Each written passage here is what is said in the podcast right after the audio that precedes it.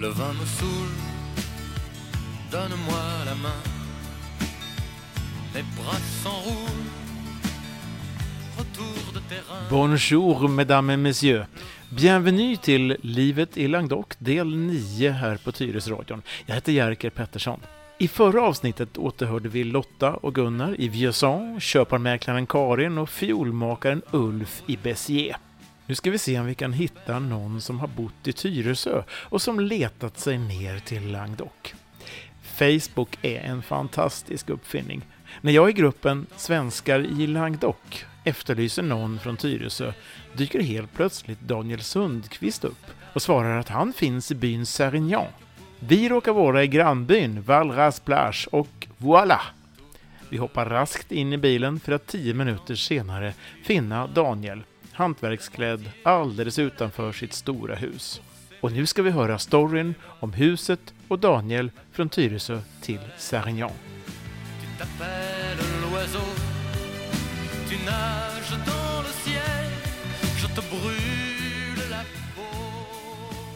Byn Sérignan ligger bara 6 kilometer och 12 minuter med bil från Medelhavets stränder, alldeles sydöst om Béziers.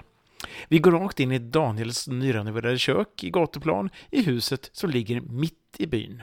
Vad är adressen? Eh, ja, vad är det? Rue Novembre 1918 nummer 5 i Sérignan. Ja, och väldigt centralt är det alltså. Ja, det ligger bara en 30, vi mätte upp det, det är 35 meter till så det är krypavstånd från puben. Så, så det är väldigt nära torget med alla restauranger. Och just idag när det är lördag den, eh, vad är det, nej, Nej, det är fredag. så är det marknad här ute också. Så Ja, det är måndag, onsdag, fredag är det marknad varje vecka och på eh, nu efter säsongen så samlas alla på torget. Annars är bara torget för prylar och kläder och sånt där. Och sen har de ett eget torg bakom här med grönsaker och mat och sånt där. Och då är det jättemycket stånd.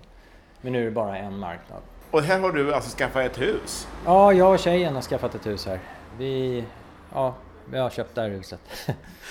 Och i vilket skick är det, eller var det då när ni... eh, Ah, det var ju mera ja, som att du har plockat ifrån Kabul eller Beirut eller någon sån här... Det är... Bonjour! Så det är... Ja, det var väldigt, väldigt dåligt skick. Så hela det här köket fick jag ju slita ut. Alltså, jag, det var ju helt rent här. Jag fick ju riva allt som var här innan. Och vi står i köket som är på bottenplan, eller gatuplan här och direkt ut mot lilla gatan Rue de November. 1918. Ja. Mm, det är 100 år sedan då. Ja, det är precis så. Det är ju hundra år sedan tyskarna kapitulerade Ja, till eh, Frankrike. ja den 11 november. Ja, Du, det är ett stort hus, tror jag. ja, det är ett stort hus. Det är 11 rum och kök. 11 rum och kök. Ja. Va, vad ska du göra med allt? Renovera. Det är liksom, det är min passion här i livet, att bygga och renovera. Det är det jag gör. Och jag slutade 96 att jobba för andra utan bara by- köpt tomter och byggt och sålt och för att jag, jag klarar inte av att, nej, varför ge någon annan ett mervärde av mitt arbete när jag kan ta hela mervärdet själv? Resonerar jag. Du, hur var det nu din anknytning till Tyresö då? Ska vi ta den kort? Eh, ja, det, min morfar köpte det här 1972 eller 73 ute på Dyviks udde. Eh, och sen köpte jag det, det huset, det var ett hus då. Eh, 1908... Nej, 2005 köpte jag det. 2005 köpte jag huset och eh, då fick man ju dispens för att bygga mycket större där ute. Som de sedan Länsstyrelsen drog tillbaka. Så man fick bygga 120 kvadrat. Så jag ansökte om att få bygga 100 kvadrat tror jag. Eh, och eh, rev det gamla huset och byggde ett helt nytt hus där med sjöutsikt och egen brygga och alltihopa. Och sen separerade jag 2014 eller något sånt här, 2013-14 där eh, och eh, då sålde vi huset, jag och min sambo. Så det är väl den anknytningen. Jag bodde där från 2010 till 2014. Så Var bor du vanligtvis nu då? I Södertälje. I Södertälje? Okej. Jag köpte en ny tomt eh, i Viksberg i Södertälje. Också med sjöutsikt. Så att det... Satte du igång och bygga där också? Ja, fast jag har bara byggt en attefallare där på 25 kvadratmeter. Eh, och sen nu när jag kommer hem, det var därför jag kunde renovera det här huset i år. För att eh, bygget, jag kommer inte starta det stora bygget förrän i vår. Så nu gäller det att hinna med så mycket som möjligt i år på det här huset. För sen kommer jag inte ha lika mycket tid. Att, Gör, gör du allt själv? ja, allt själv. Åh herregud. Från grund hela vägen upp till sista takpannan.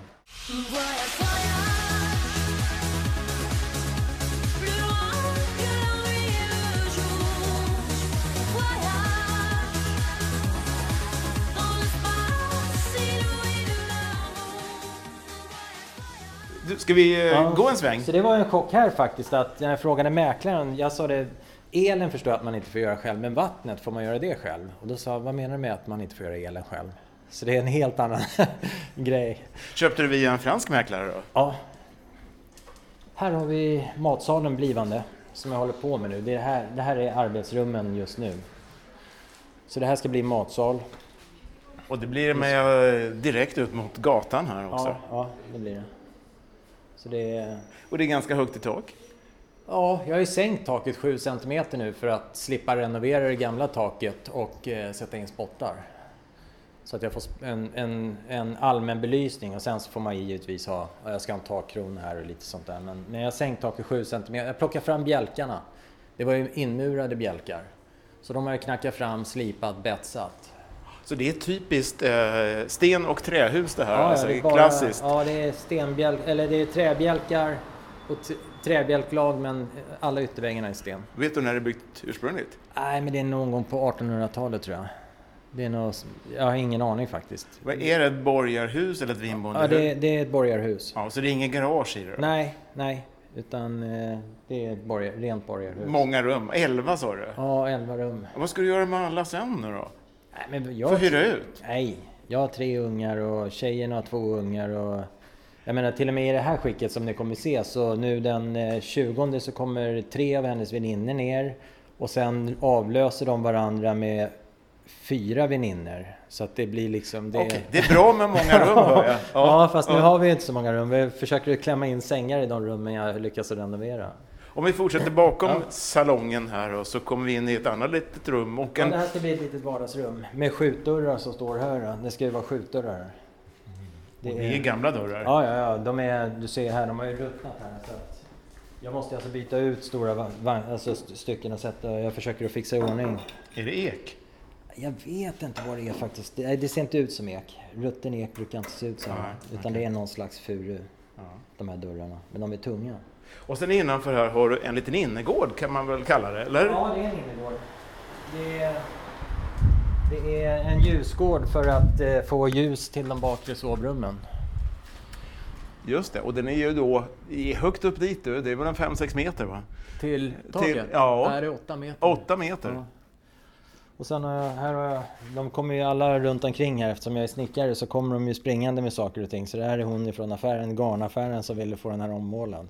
Så du har redan startat business i, Nej, i jag Frankrike gör, alltså? Ja, gratis business. Jag bara gör, alla kommer springande med saker och ting som är trasiga här. Så, att det, så det, nej, men det, är, det är kul att hjälpa folk. Och alla är jättetrevliga här. Alltså jag har varit väldigt förvånad. Vi hade ett hus, jag, mamma och min bror hade ett hus i Roquemaure nära Avignon 1982 till 87. Och där vart man behandlad som paria.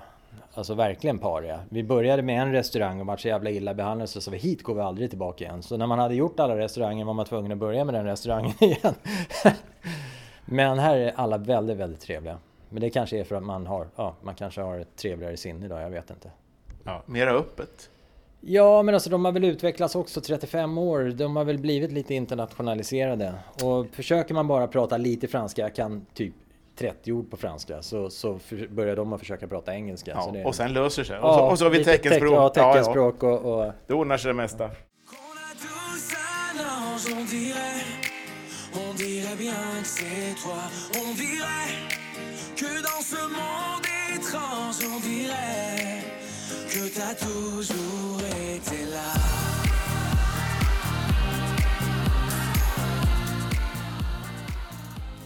Och här kommer vi ut i ett rum där det, jag tror det är en tvättmaskin som står och surrar just nu. Det här, här ska bara bli så här allmänutrymme med, med tvättmaskin och vatten och, och allt möjligt sådär.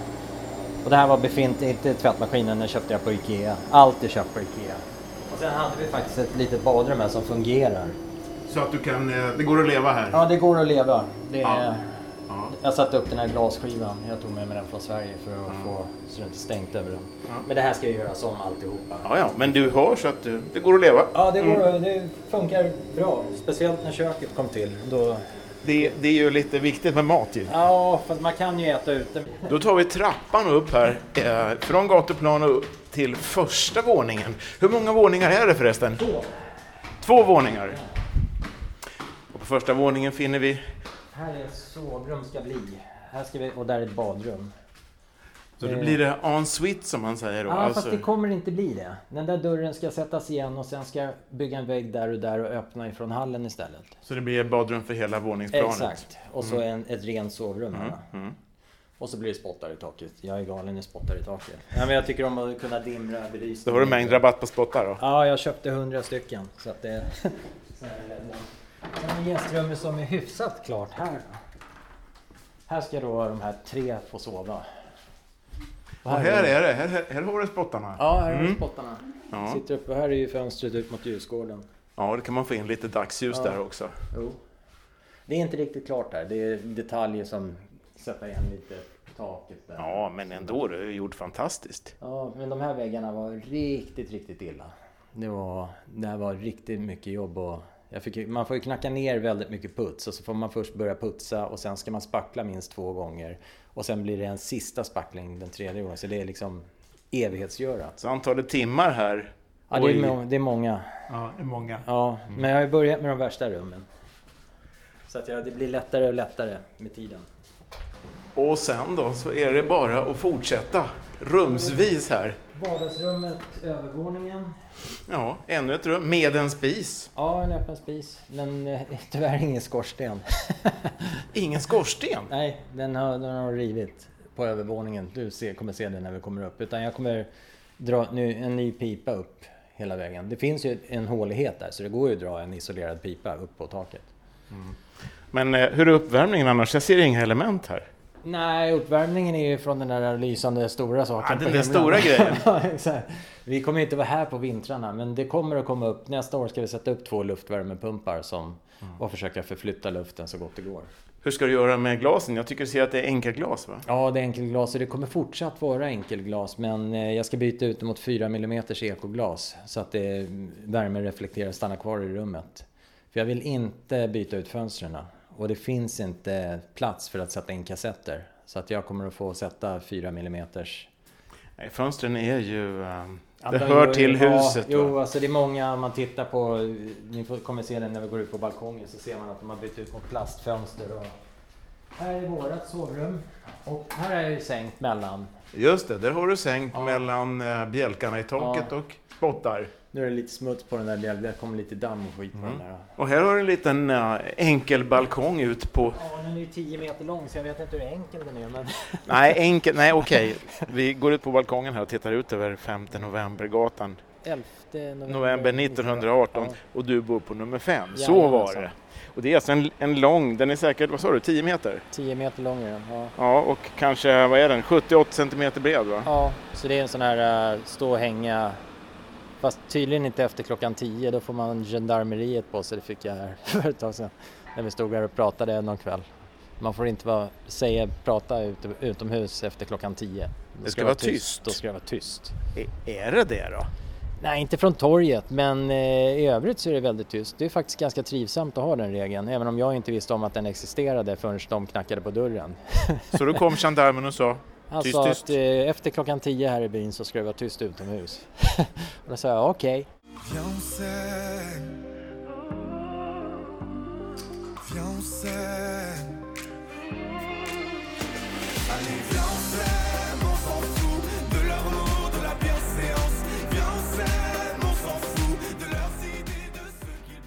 så går vi in i rummet igen och ut i hallen på första planet. Och det är, man kommer ut på balkongen via fyra, fem, fyra stycken utgångar. På den 10 meter långa balkongen. Sen tar vi nästa våning, en trappa upp här. Det här är ett så här väldigt långt evighetsprojekt. Jaha, Här är här är vi ju direkt under taket. Alltså. Ja, och här är anledningen till att vi fick huset så billigt. För det här rummet hade en vattenskada, det ser du på bjälken. Här har det regnat. Ja, här har det regnat in och då slet jag ut alltihopa, hela bjälklaget alltihopa och, och reglar upp nytt bjälklag. Kollade att de där är ju friska så att det, det hade inte kommit så långt vatten. Jag trodde att det här skulle bli mycket, mycket mer arbete än vad det blev. Men det här är enormt mycket material som du måste släpa ut härifrån. Ja, jag tror att om jag, jag uppskattade det till någonstans runt två ton bara på det här lilla rummet. För de gjuter ju mellan alltså mellan eh, bjälklaget. Ja, och då måste du bryta loss allt och bära ut då? Ja. Trapporna och ner? Nej, trapporna- nej, nej, nej, nej, nej. Vi, har, vi körde en liten fuskis. Vi kastade ut det på ljusgården. Jaha, och sen det samla där. upp det där? Ja, exakt. Och sen har vi sovrum. Här har jag bytt fönstren. I alla de här fyra rummen här uppe har jag bytt, eller alla tre rummen har jag bytt fönstren till vridbara från Sverige. Just det, här är det vanliga klassiska fönster ja. Ja. Och det här är ju vindsplanet, ja kort och gott. Och sen ska jag försöka att få de här två rummen, ska jag försöka få sänka taket här eh, till 2,10 och bygga en takterrass. Men det är, det är väldigt känsligt för jag ligger inom 250 meter från kyrkan. Så det får, ingenting får synas ifrån gatan, mina förändringar eller någonting. Det är väldigt paradgatan det här. Alltså det, är- det får inte ens en gång kommunen avgöra utan de måste skicka det till kulturministeriet eller någonting i Paris som ska avgöra ifall att det här får bilda, byggas sen. Men du har lagt in en ansökan? Nej, inte än. Jag ska göra det i vår. Eh, tänkte jag lägga in den. Eh, jag måste rita på det och sen måste jag skaffa en arkitekt som skriver under mina ritningar och sen ska jag lämna in det. Det är en viss byråkrati alltså. Väldigt mycket. Ingenting får göras med fasaden. Jag får inte renovera, jag får inte måla om, jag får inte göra någonting med fönster. Nu visste ju inte jag det när jag bytte ut de här fönstren. Så, ingen har sagt något? Nej, men vi var, på, vi var ju pratade om takterrassen med kommunen och då sa de det att eh, ingenting får göra. Men då sa jag, men jag har ju bytt de här fönstren. Då tittade de på dem så här. Men så jag, visade en bild på hur det såg ut innan. Då sa hon, nej men det där låtsas vi inte om. Det där, det, det där, det låtsas vi vara innan. Så de är väldigt så här, de är inte så byråkratiska när man väl har gjort saker. och här har du också ett litet rum, Ja. eller vad vi ska kalla det. Ja, det är ett litet sovrum. Det är här uppe, men här uppe kommer det dröja väldigt länge om jag inte får tillstånd för takterrassen. För då måste jag göra det här våningsplanet. Men annars är det här våningsplanet en senare fråga. Sen har vi här mancaven. The Man Cave och här har vi en piltavla och ett eh, biljardbord. Och här finns det, här ser jag, här finns det vatten indraget, eller avlopp rättare sagt. Ja, fast jag kopplade, det var det första jag gjorde. Jag kopplade bort allt vatten och hela elsystemet i hela huset och drog om allting i de våningarna som, som jag behöver. Så här har jag inte dragit upp, jag bara kopplade bort allting. Både ner och upp och allting så att ingen... För jag litade inte på det. Du ser ju det är mögel där, alltså det har ju läckt vatten. Men vad var det här innan? För det är ju kakel och grejer, det ser ut som ett gammalt kök. Ja, det eller? var ett kök här när vi flyttade in. Jag slet ut det och kastade det samtidigt med det där rummet. Eh, här uppe har det varit en lägenhet som de har haft för uthyrning. Allting på tredje våningen här är, har varit en lägenhet med då tre sovrum. Och det var toalett där inne i det där rummet jag har slitit ut. Så stammar och sånt där finns ju uppdragna. Eh, avloppsstammar och sånt. Så jag ska ju, om jag får bygga takterrassen så kommer jag bygga ett badrum och ett litet kök där. Och eh, är det så att jag inte får takterrassen då blir det där en terrass. På baksidan. Ja, just det, du kan göra så ja. Meningen är ju bara om man har en takterrass att man vill ha ett kylskåp där man kan lasta in grejerna från köket och, eller från när man har handlat och så slipper man springa tre våningar varje gång man ska hämta en öl eller hämta en biff eller någonting. Så jag tänkte, då bygger man ett litet kök så man kan bära upp matvaror och stoppa in i kylen här uppe. Var det någon som använde huset när du köpte det? Eller innan du köpte det? Nej, vi köpte det av ett dödsbo. Så det, hon, bodde, hon bodde ju nere på undervåningen och hade gjort så i typ, vad jag förstod, 10-15 år. En äldre dam? En äldre dam. Så att, eh, och jag förstår inte riktigt det där köket, hur man kan leva med det köket som var innan. Det var bara en diskho. Sen, I och för sig tar de med sig alla kylskåp och spisar och allt möjligt, men det var inte... Nej, det var... Det, enligt svensk standard så skulle du nog eh, ja, inte kunna få hyra ut ens en gång. Efter denna genomgång i det stora 11-rums borgarhuset ger vi oss ut på 11 novembergatan igen och går under Daniels ledning mot byn Sarignons lokala, lilla, typiskt franska torg. Tar en tur till torget som är, ja, vad ska vi tro, är det 100 meter från din, uh, ditt hus? Ja, det är 40 meter bort till korsningen och sen är det väl 10 meter till över gatan så det är väl 50 meter då. Det är som sagt var väldigt, det är krypavstånd. För där är den lokala pub och krogen. Eller, Brasseriet eller vad man ja, det säger? är eller ett café, bar. café och bar. Ja. Sen ligger restaurangerna här så på kvällarna så är det ju... Ska vi över gatan här? Det är bara att gå. Ja. Mm. Jo, de brukar stanna. ja. Alltså det är, he- hela det här torget är fullt av uteserveringar på kvällarna. Nu är det ju marknad så då har de inte så mycket uteserveringar.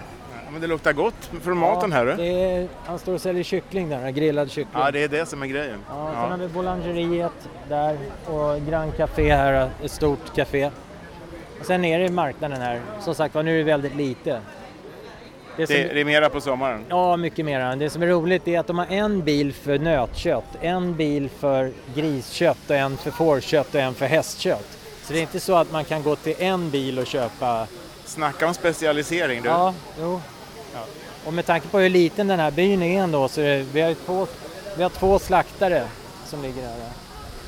Och eh, tre eller fyra boulangerier tror jag. Där har vi Jimmy, tatueraren i byn. De känner de flesta. Det är en väldigt trevlig, väldigt trevlig grannstämning förutom de som ringde till gendarmeriet.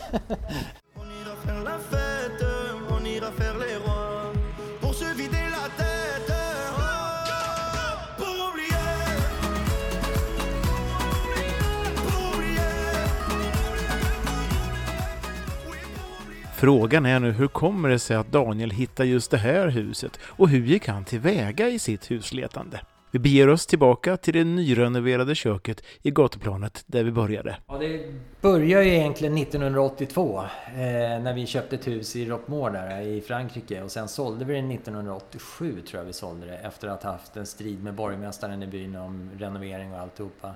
Så det där har legat lite grann som ett öppet sår det här med ett hus i Frankrike.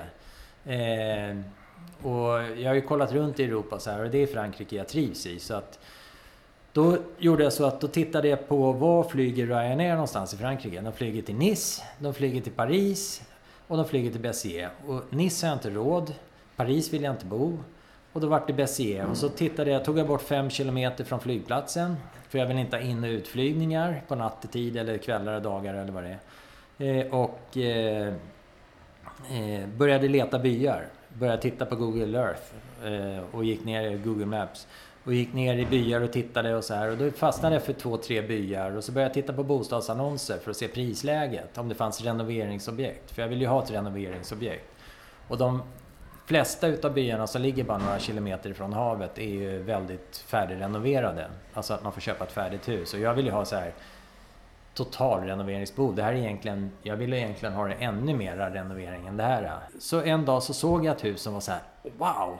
Renoveringsbehov. För det första hade jag inte de pengarna då och sen försvann annonsen efter ett tag. Det var den här byn jag hade fastnat för, Serignang. Min tjej frågade, Åh, kan vi inte åka till Barcelona eller Nice eller någonting en weekend? Och då sa jag, men Barcelona, Nice liksom, jag har gjort det. Det är så jävla tråkigt alltså. Det är liksom, det är dyrt och tråkigt. Men jag sa det, jag har en liten by i södra Frankrike som jag vill åka till om vi ska åka en weekend. Så vi åkte hit i alla fall, för jag ville känna... Man känner ju direkt, man kommer in i en by eller på ett ställe och man känner sig trygg och det känns som en, gemen, alltså en, en gemytlig miljö. Och direkt vi kom hit så kände vi bara fan, det här är this is it liksom. Så vi gick runt där på kvällarna och tittade runt så här och så kom vi på den här gatan och så gick vi på andra sidan gatan och så tittade jag upp och så sa jag Du, det där huset, det var så här drömhus. Det var till salu förut. Men de har sålt det så här. Men det var så här drömhus. Totalrenoveringsobjekt. Hur många rum som helst och, och snygga golv och allt möjligt sådär. Och det var inte mer med det. Och sen så åkte vi hem. Och sen två månader senare så... Eh, första vändan så låg det ute för 189 000 euro tror jag. Eh, sen åkte vi hem. Och så efter ja, bara en tre, fyra veckor när du var hemma så, så kommer det ut en annons på det här huset igen. Sänkt till 158 000 euro. Och då sa, men då sa tjejen direkt så här, nej det här är once in a lifetime liksom. Jag fixar fram pengarna. För jag sa det, jag har ingen möjlighet att fixa fram de pengarna nu. Och, eh, så hon ringde till banken, fick ett lånelöfte. Vi ringde till eh, mäklaren.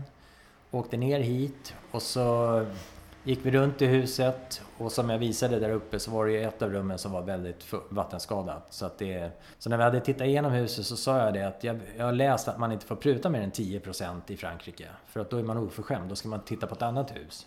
Då sa han, det gäller inte riktigt det här huset sa han, för att det är ju som sagt var omfattande arbeten på huset. Då sa han, vad hade ni tänkt er? Och då, sa jag, då tänkte jag dra till med någonting. Så jag sa, nej men jag kan tänka mig så här 130 tusen eller någonting. Och sa han, nej men lägg ett sånt bud så får vi se om, om de tar det. För det är inte, det, det, jag kan nog eh, kanske få igenom det. Så vi sa det, vi ringer dig om några timmar och så pratade vi igenom det alltihopa. Så ringde vi och eh, Eh, la det där budet på 130 000 och på kvällen samma... Nej, dagen efter. Dagen efter så ringde han. Nej, det var samma kväll. Samma kväll på flygplatsen så ringde han tillbaka och sa att vi hade fått det. Sen tog det väldigt lång tid. Han kunde ingen, ingen engelska och sånt där. Och efter fem, sex månader så kände vi att det där huset, han håller på att försöka sälja det till någon annan. Men eftersom vi hade köpt av ett dödsbo, då är det väldigt mycket formaliteter i det här dödsboet. Plus att mitt när de började bli klara med alla formaliteter och allt och fått alla påskrifter av alla arvtagare och allt möjligt sånt där. Då dör en utav arvingarna. Så att då var de tvungna att göra om hela processen en gång till och för honom då på franska försöka förklara det för oss. Vi kände ju att ni har en annan kund. För det tog, till slut så tog det tio månader att få huset. Och efter åtta, nej efter, efter sju månader så anlitade vi då Karin Klo som håller på och säljer det här. Så att hon fick ringa till, för vi skrev till mäklaren att är det så att vi inte får något svar från dig innan onsdag, då hoppar vi av affären. För vi tror inte att det, fin- att det är till salu längre ens en gång. Och sen anlitade vi Karin Klo. Eh, och hon styrde upp allting som, ja, som behövde styras upp. Kolla med notarien och alltihopa, att det var vi som var köpare och hela kitteritet. Så tio månader senare så hade vi det här huset. Så det var så det gick till.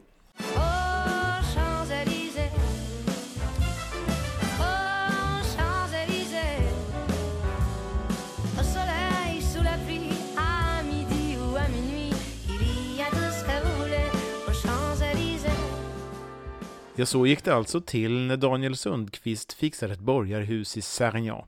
Att Daniels passion är att bygga förstår vi. Tidigare har han också varit ordförande för bayern fans och sen även medlem av Mensa.